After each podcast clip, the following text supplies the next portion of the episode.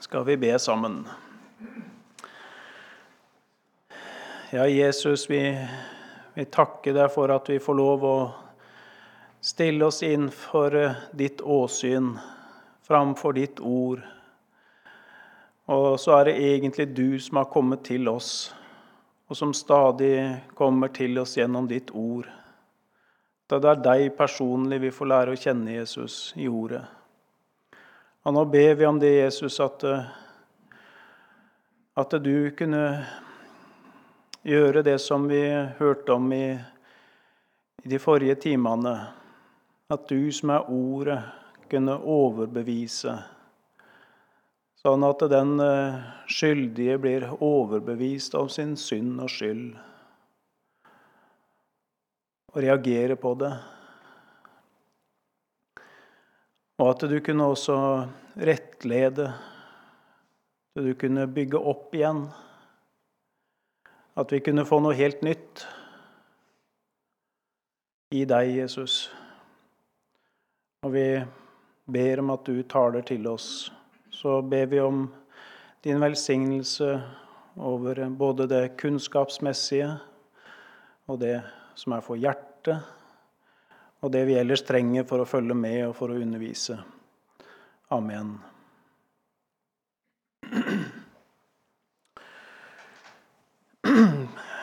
I profeten Hosea så møter vi et eh, eh ganske grelt bilde, må vi si. Et eh, stygt bilde av eh, Israel. Og hun blir like framkalt skjøgen Israel. Og hennes barn, som er horebarn, uekte barn. Og det er eh, sånn at vi bare ganske kort ifra det vi hadde i de to første timene, så fikk jo nettopp Hosea denne veldige og merkelige, oppsiktsvekkende beskjeden Herrens ord kom til Hosea. Og um, Da Herren begynte å tale til Hosea, står i vers 2, sa han til ham, gå og få deg en horkvinne og horebarn, for landet driver hor og følger ikke Herren. Meget oppsiktsvekkende, og det må ha vakt sterke reaksjoner også på Hosea sin samtid. Men Gud ville vise noe gjennom det. Det var et sant bilde Gud ville vise folket gjennom det. Og det er et sant bilde av mennesket etter syndefallet som han vil vise oss.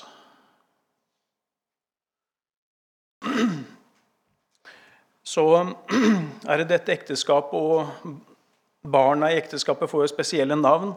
Og disse navnene de vitner om at nå er altså dette folket i en situasjon hvor det er atskilt fra Gud. Den som ikke har fått miskunn, ble det ene barnet kalt. Den som ikke er mitt folk, ble det tredje barnet kalt. Og Israel var jo den første der, og der taler Gud om dom. Dommen kommer. Og så møtte vi i kapittel 2 det grunnleggende profetiske budskapet, egentlig dette med 'gjennom dom til frelse'. Um, Gjennom en avsløring det, og med å lære å kjenne Gud så kan det bli en omvendelse og en frelse. Men ikke uten det. Da blir det bare dom.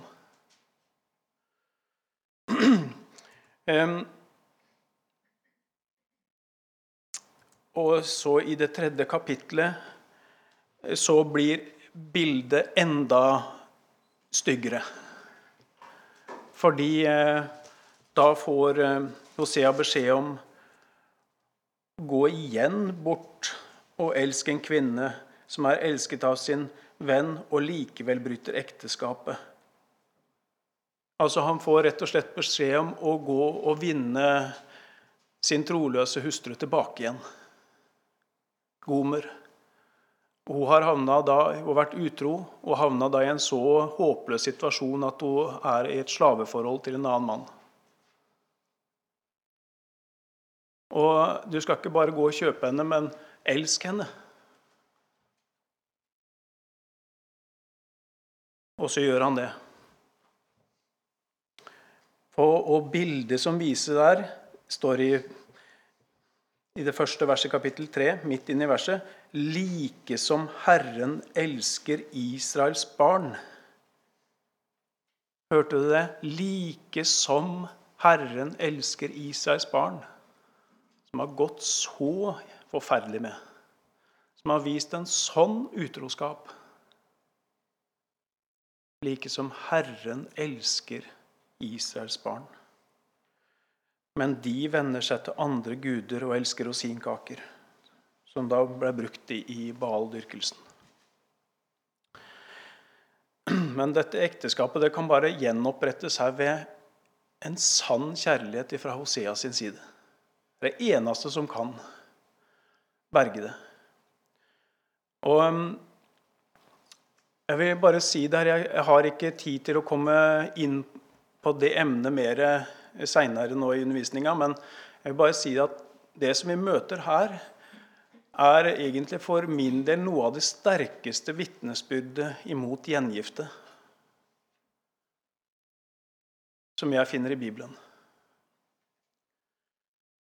Fordi da vil gjengifte faktisk ødelegge dette bildet. Her var det for hors skyld, ikke sant? Her var det gått så galt som det kunne gått. Men hadde Hosea da gått bort og ekta en annen, så var det ikke mulig å gjenopprette det.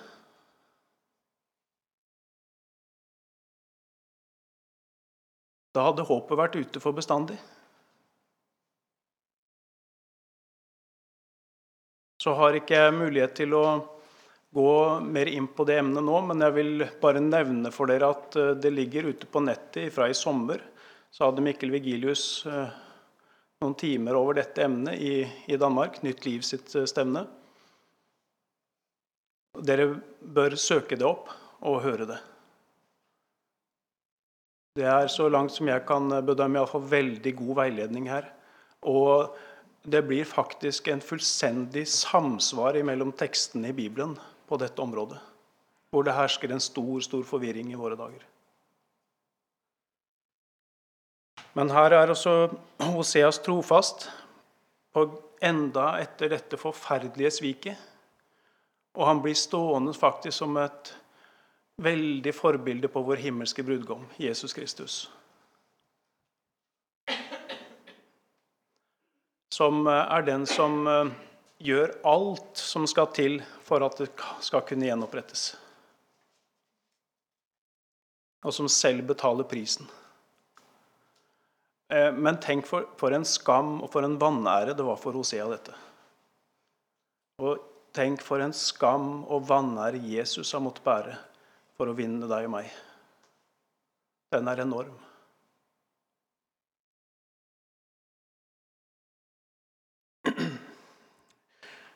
Nå var det bare ganske kort. Det er på en måte en, en, det er på en måte en resymé av, av, den starten her, men egentlig må vi ha med oss dette i tankene våre videre utover i boka. Og det er også sånn at eh, på, I samme grad som denne kjærligheten her er eh, helt ubeskrivelig Jeg må si det at eh, denne kjærligheten den sprenger alle grenser. Denne kjærligheten sprenger alle grenser. Så er det som på den andre sida så får vi også møte dette med Guds kjærlighets nidkjærhet som egentlig også sprenger alle grenser. For der hvor kjærligheten krenkes, den sanne, ekte Guds kjærlighet krenkes, der vekkes det også en voldsom reaksjon. Og det vil det også gjøre i et ekteskap hvor kjærligheten krenkes. Så vil det også vekke en veldig reaksjon hvis det har vært en sann kjærlighet der. Og det er noe av det verste et menneske kan oppleve. Og det ser vi også hos Gud. Og Derfor er også Guds domsreaksjon så ubeskrivelig.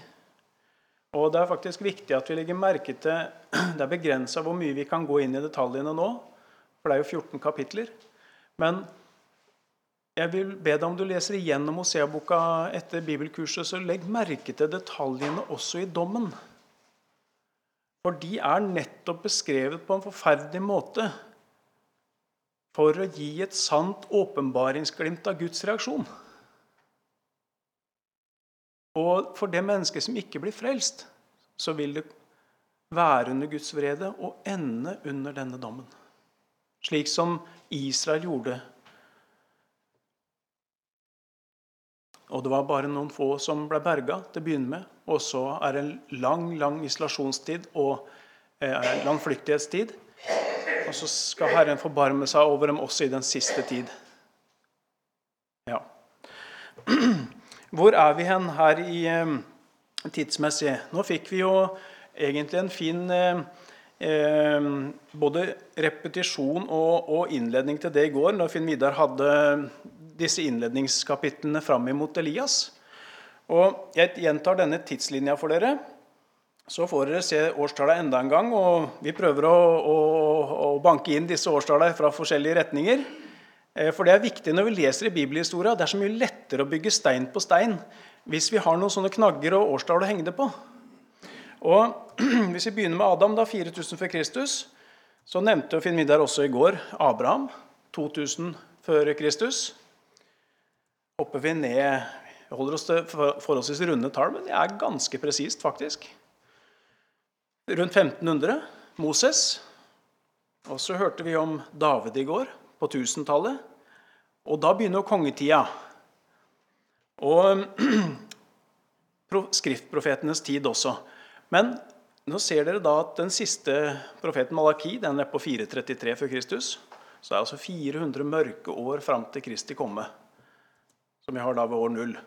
Så har vi eh, Hosea, som vi har for oss her nå, da, rundt um, dere, hvis dere leser litt forskjellige kommentarer, så vil dere se litt forskjellige antydninger til når han begynte sitt virke. Men um, 760 720 Noen vil mene at det er litt for seint. Men uh, la gå. Så har jeg tatt inn Elias her også, som vi hørte om. Um, rundt 850. Inn i, inn i, området der sånn. Og da uh, vet dere det når dere hører om Elias, at han er liksom i denne epoken da ja, 70-100 år før, før eh, Hosea. Det er der vi er inne i denne tida, skriftprofetenes tid. Elias er jo før skriftprofetene, men så kommer de på rad og rekke etterpå. Fram til 433. Og Hosea, som eh, vi møter dette budskapet hos, han er jo da samtidig med Amos og Jesaja og Mika. Så Gud bruker mange profeter på dette. her sånn. Hvis vi grovt deler inn eh, eh, den andre hoveddelen, fra kapittel 4 til vers, eh, kapittel 14, så vil vi nok kunne se det at det er stadig en mangel på noe hos folket. Og jeg kan legge merke til at faktisk så beskriver Gud det i en del tilfeller som at det mangler totalt. Jeg må si Når jeg leser her, så noen ganger kan stille seg spørsmålet ja, men kan det stemme. Var det så ille? Er det ikke en overdrivelse? Nei, Guds ord overdriver ikke. Han ser sant på det. Han ser helt inn til det innerste. Og mangel på og forkastelse av gudskunnskap det er noe av det første som kommer fram til kapittel 6. Også en veldig profeti der om Jesu oppstandelse kommer midt inni der. Mangel på gudskunnskap, og så munner det ut i den virkelige, mest dyrebare kunnskap som fins. Så er det mangel på kjærlighet til Gud, som fortsetter videre utover. Kapittel på kapittel. Mangel på kjærlighet til Gud. Hva fører det til? Jo, det fører til det og det og det. Og det fører til den og den og den reaksjonen hos Gud. Isa seg moden for dom og ødeleggelse. Og når vi leser sånne mange kapitler sånn med, med, dom, så er det et lysglimt innimellom, og så nye vers med dom. um, så tror jeg det at vi, vi um, har litt lett for å miste konsentrasjon når vi leser. I hvert fall kjenner jeg på det. Men uh, jeg tror det kan være til hjelp for oss også bare tenke litt på det at når Gud gjentar noe, tar det om igjen og om igjen i litt forskjellige nyanser fra litt forskjellige kanter, så er det jo nettopp fordi her ligger det noe veldig viktig. Gud vil legge det på deg og, og, og, og overbevise fra forskjellige kanter. Vise forskjellige eksempler på det. Så når Guds ord gjentar ting, så er det ofte små nyanser i, gjentagelsene. Der ligger det ofte noen viktige opplysninger. Men samtidig så er det noe med det blir gjentatt. Ja, da skulle jeg lese med enda større oppmerksomhet. For nå gjentar Gud det. Han er redd at jeg skal glippe det, ikke få det med meg. Lese med enda større oppmerksomhet. Vi prøver nå å, å gå rett på, og vi leser ifra kapittel 4. Og tenk på dette med bildet der med Hosea. Bildet på, på den trofaste Gud som ofrer alt for å kjøpe tilbake den mest troløse. Hør Herrens ord, dere Israels barn, for Herren har sak med dem som bor i landet.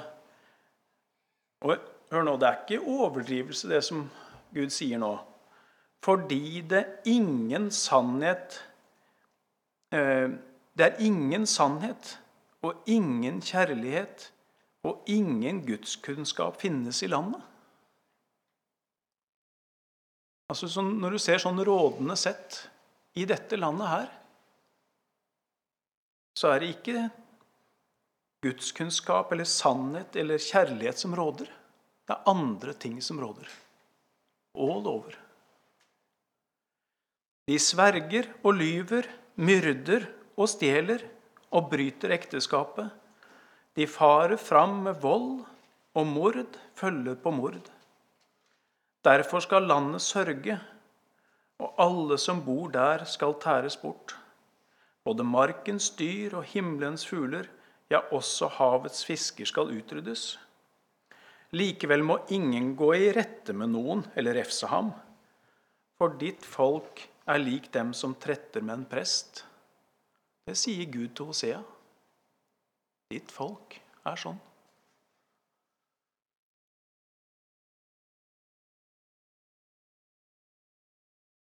Hvorfor sier han ikke 'mitt folk'?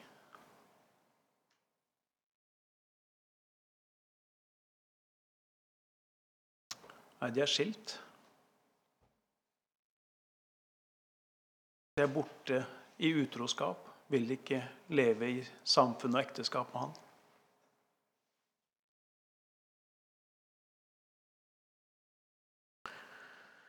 De er lik folk som tretter med en prest.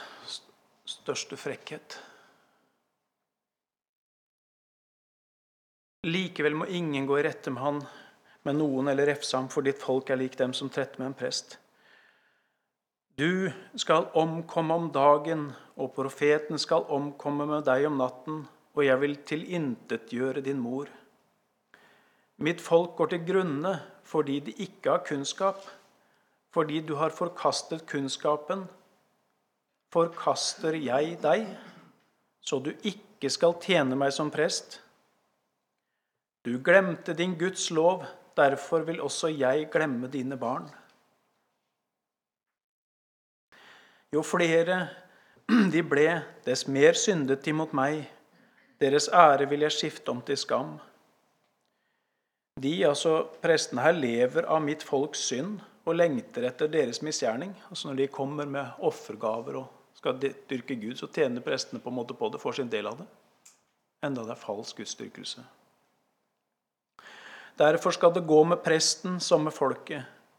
Jeg vil straffe ham for hans ferd og gi ham gjengjeld for hans gjerninger. De skal ete og ikke bli mette. De skal drive hor og ikke utbre seg. For de er holdt opp med å akte på Herren. Og ser vi ikke det i landet vårt? Det har vel aldri vært drevet så mye hor. Men det blir ikke født så mange barn. Og I mange tilfeller så er det umulig at det kan bli barn også, for det er av samme kjønn. De driver hor, men skal ikke utbre seg. For de har holdt opp og akte på Herren. Hor og vin og most tar forstanden bort. Mitt folk spør sitt trestykke til råds, og dets kjepp gir det svar. For en horeånd har ført dem vill, så de driver hor og går bort fra sin Gud. På fjelltoppene ofrer de, og på haugene brenner de røkelse, under eiketrær og popler og terebinter, fordi skyggen der er god. Derfor driver døtrene deres hor, og deres svigerdøtre gjør seg skyldige i ekteskapsbrudd. Jeg vil ikke hjemsøke deres døtre for deres hor, eller deres svigerdøtre for deres ekteskapsbrudd. For mennene selv går avsides med horkvinnene og ofrer med tempelhorene. Slik går et uforstandig folk til grunne. Her ser vi jo nettopp eksempel på dette at eh, den åndelige utukten, altså utroskapen imot Gud, den er kobla sammen med legemlige ord. Og da blir det, dette blir en så giftig blanding. Dette blir en avgudsdyrkelse som, har sånn makt på folk. Og binder så til de grader. Og det blir en horeånd i deres indre som hindrer dem fra omvendelse.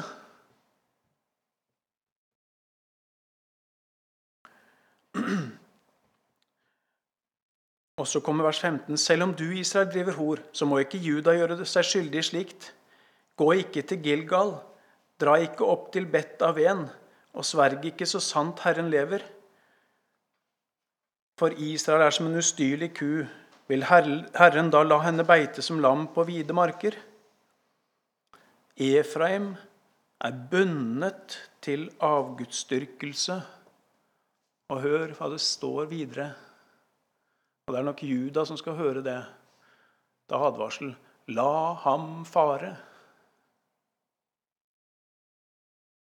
Det har blitt så ille. La ham fare. Vi skal komme litt mer inn på det. Rusen deres er forbi. Vilt har skjoldene deres horet, altså høvdingene. Voldsomt har de elsket det som skammelig er. Og så kommer Guds reaksjon her. Et stormvær griper dem med sine vinger og de skal bli til skamme med sine offer. Straffen må komme, og asyrerne kom i 722.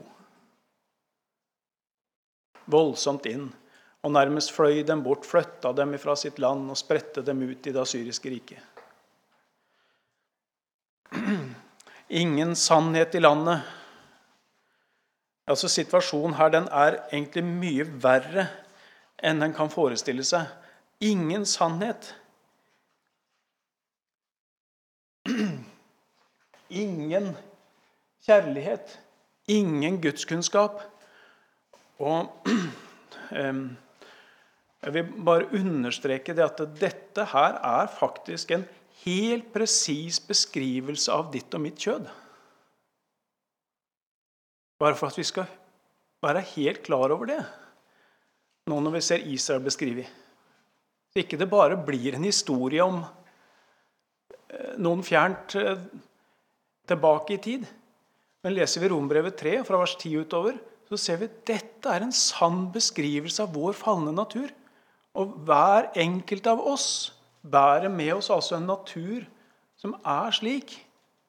Er det virkelig så ille i den gamle natur? Ingen sannhet. Ingen kjærlighet. Ingen gudskunnskap. Da vil jeg si da er det ikke rart at det kommer mye baktalelse ut av den. For det var som vi hørte, det var noe djevelsk. Og vårt kjød, det står i ledtog med djevelen. Og lar vi det råde, da ser vi her hva som eh, vil råde i vårt liv. Og den som lever etter sine lyster, eller lever etter sitt kjød, da sier Skriften han er levende død. Han går rundt som et spill levende menneske, men han er død. Ingen gudskunnskap, ingen sannhet, ingen kjærlighet. Alt annet er bare oppstilt, det er bare skuespill. Så ille er det her sånn. Ingen gudskunnskap finnes i landet. Og så har jeg satt opp noen bibelsteder her sånn. Dette med ingen sannhet, så sier Jesus der i Jesus sa da til de jøder, Johannes 8, 31, som har kommet til tro på ham, dersom dere blir i mitt ord, da er dere i sannhet mine disipler. Og dere skal kjenne sannheten, og sannheten skal frigjøre dere. Sannheten skal frigjøre dere. Det er når ordet kommer, det er når Jesus kommer. Da kommer sannheten personlig til deg. Kjenn Han, skal denne sannheten frigjøre deg. Også du som i utgangspunktet ikke hadde noen sannhet i deg sjøl. Som var en løgner. Barn av løgnens far. Du skal få kjenne sannheten, og sannheten skal frigjøre deg.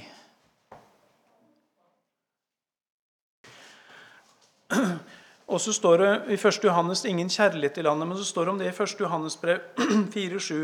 Mine kjære, la oss elske hverandre, for kjærligheten er av Gud.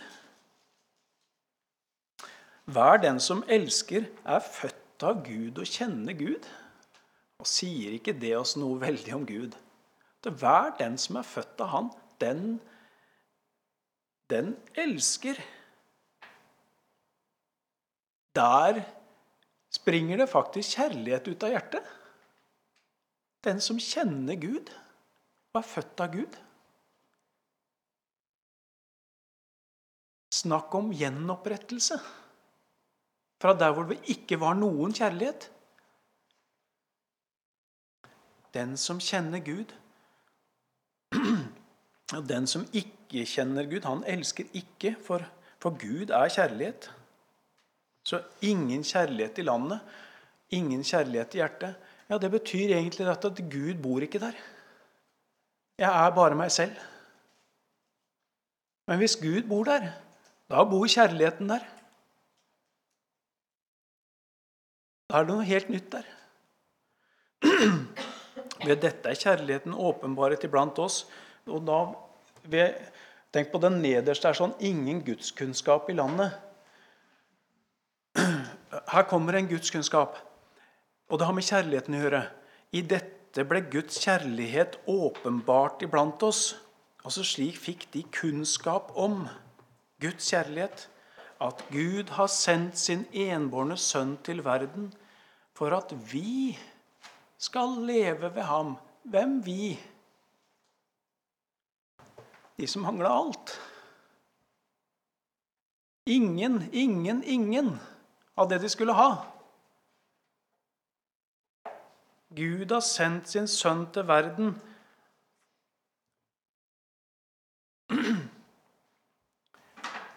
for at vi skulle leve ved ham. I dette er kjærligheten ikke at vi har elsket Gud, men at Han har elsket oss og sendt sin sønn til soning for våre synder. Han har elsket oss på den måten at han sendte sin sønn til soning for alle disse ingen, ingen, ingen. Og så er det det at det ikke, om det er ingen sannhet, ingen kjærlighet, ingen gudskunnskap, så er det ikke tomt. Det er fylt med det motsatte. Det er fylt med det onde. Det er fylt med det falne. For at vi skal leve ved ham. Og sendt sin sønn. Han elska oss på den måten at han sendte sin sønn til soning for våre synder. Gå og elsk den troløse den vederstyggelige, Den som, hvis du ser, hadde sett alt ved livet på, så var det en stygg historie. Det gikk ikke an å snakke åpent om det. Gå og elsk den. Ja, sånn var Gud. Sendte sin sønn til soning til kjæreste han hadde, for å vinne den. Så fører Herrens sak her videre fra vers 1 til 14, som vi leste. Og han fører imot folket som helhet. Han fører saken mot prestene, de som skulle være hans tjenere, på særlig måte for folket. Og så fører han saken mot det enkelte mennesket. Hele veien her. Og da er Gud veldig konkret. I vers 2, som jeg leste, de sverger og lyver og myrder og stjeler og driver hor. De farer fram med vold, og mord følger på mord. Ja, Det er en voldsom beskrivelse, dette her sånn. Og vi tenker så fort når vi leser gjennom dette her, at det er jo, det er jo snakk om en røverflokk. Dette er en lyver og myrder og stjeler. Det ligner forferdelig på Jesus' sin beskrivelse av djevelen. Ja, det gjør det. Og det er akkurat han de ligner på. Og det er akkurat han vårt kjød også ligner på.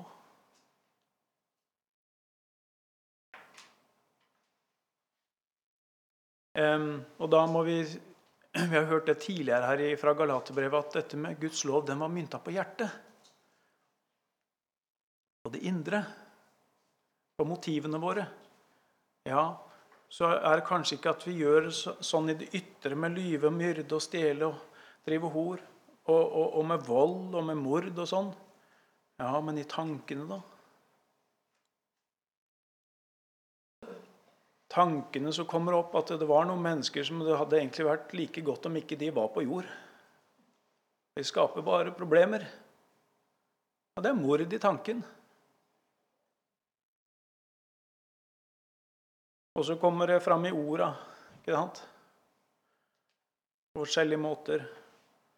Og noen ganger også i gjerninger. Men vi kan ikke gå dypere inn på det nå. Men det er noe her sånn Det blir Fra vers 15 til 19 så leste vi her at selv om du, Israel, driver hor, så må ikke Juda gjøre seg skyldig i slikt. Nå får Juda i sør Eh, Sørriket de får da en advarsel at um, Pass dere. Ikke la dere prege av Nordriket. Og Jeg satt en overskrift her at, at det dårlige selskap her, det er ødeleggende. Det er ikke likegyldig hva mennesker en går i sammen med.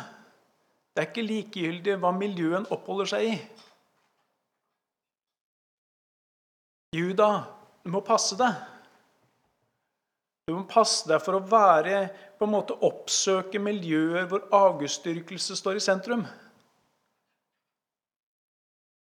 Enten det er menneskedyrkelse, idoldyrkelse eller Ja, forskjellig. Gå ikke til Gilgal, så blir det sagt til Juda. Ja, men Gilgal er jo flott, vel? Det var jo der Israelsfolket første gang kom, de kom inn når de kom inn i det lovede landet. Og der ble hele folket omskåret, for de hadde det ikke blitt under ørkenvandringa. Der ble de omskåret, og Gilgal betyr avveltning. Der ble avveltning av skammen. Å, for en minneplass! At Gud velta av skammen fra hele folket der ved omskjærelsen. Og egentlig så var det et bilde på Jesus Kristus som ble skåret bort fra menneskeslekten og på den måten så velta Gud av skammen av oss mennesker. Det var ikke Gilgal en virkelig merkeplass en skulle oppsøke. Nei, nå må dere ikke det. For nå driver de avgudsdyrkelse der. Og da hjelper ikke hva de har holdt på med før. Da hjelper ikke at det var bra i tidligere tider. For nå er det faktisk avgudsdyrkelse der de sier at de tilber Gud.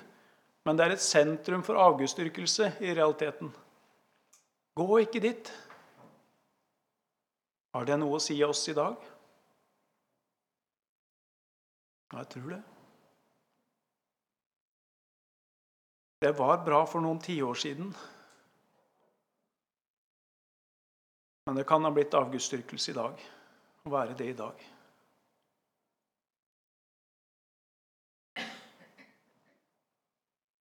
Man sier at man tilber Gud, men det er egentlig en egen oppdikta Gud, og da er det en avgud.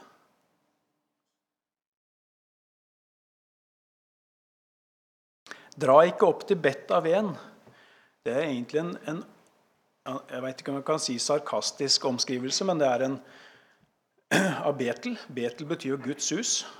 Og det var en av plassene hvor, som vi hørte i går, Eh, Jerboam hadde satt opp en gullkalv for at ikke de skulle søke til Jerusalem og bli knytta til Juda i sør, men holde seg i Nordriket.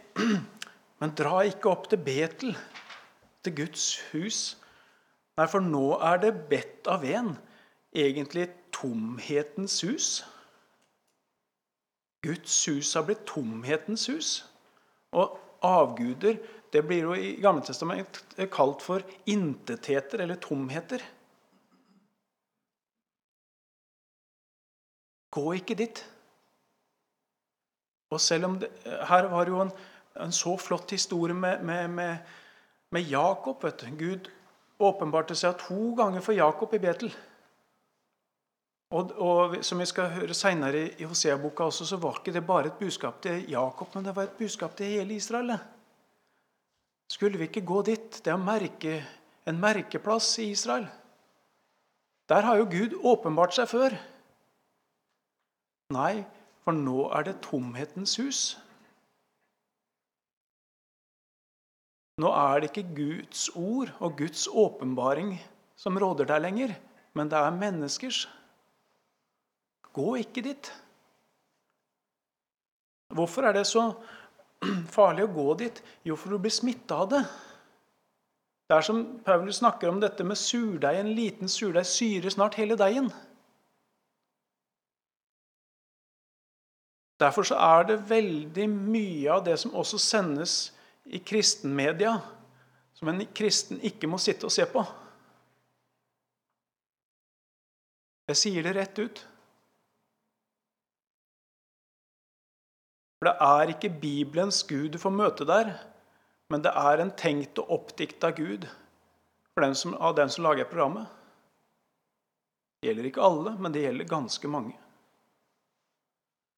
Og du blir smitta av det om du sitter og ser på det.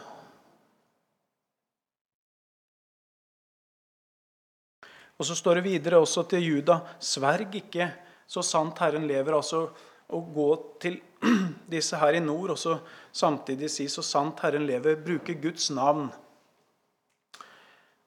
Ehm, jeg tror det ligger noe dypt i det der. Ehm, vi kan tenke det at det liksom På en måte kan jeg liksom Uansett eh, hvor jeg er, hvis jeg bare eh, bruker Guds navn, så er det vel greit.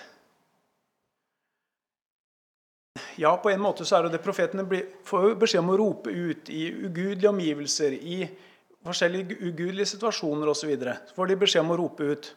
Men du skal være klar over én ting. Og det er at om du står og snakker om Herren, så sant Herren lever, og bruker Guds navn, og de andre rundt deg også bruker Guds navn, men det er bare det at de legger ikke Bibelens innhold i dette navnet men de legger sitt eget innhold i dette navnet. Da skal ikke du blande deg med dem og stå på en måte sammen med dem og bruke Guds navn. For da blir du en som egentlig legitimerer på en måte deres oppdikta Gud.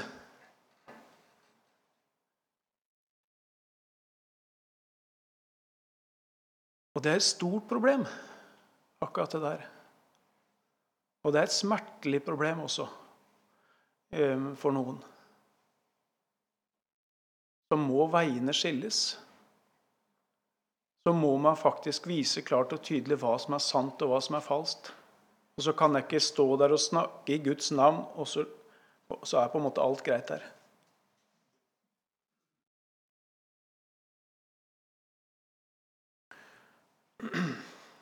Og der er det Juda som får dette Pass, det er for dårlig selskap. Det er ødeleggende.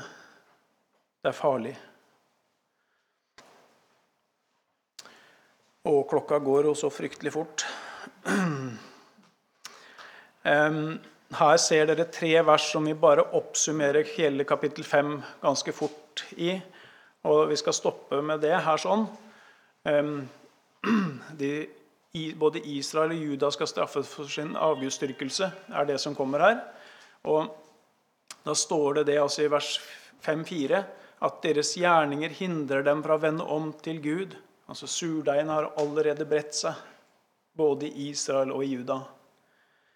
Deres gjerninger hindrer dem fra å vende om til sin Gud, for de har en utuktens ånd i sitt indre, og Herren kjenner de ikke. De skal gå med sine sauer og okser for å søke Herren, men ikke finne ham, for han har dratt seg bort fra dem. Hmm. Det er ikke så ofte det at vi taler om den sida ved Gud. Er ikke han en som alltid står med åpne armer, da? Er ikke det vi har hørt så mange ganger? Det er en side her ved at det kommer til den dag da det er for seint, og selv om du har levetid enda. Han har dratt seg bort fra dem. For, og, og vers 14.: For jeg er som en løve mot Efraim, som en ung løve mot Judas hus. Jeg river i stykker og går min vei og byt, sleper byttet bort, og det er ingen som frelser. Og det er Gud som gjør dette, altså. Det er Gud som gjør det. Og det er et dramatisk bilde. Det er altså en løve som sleper et bytte bortover. Byttet er sjanseløst. Så er også dette et sant bilde av Gud. Vi stopper der. Så er det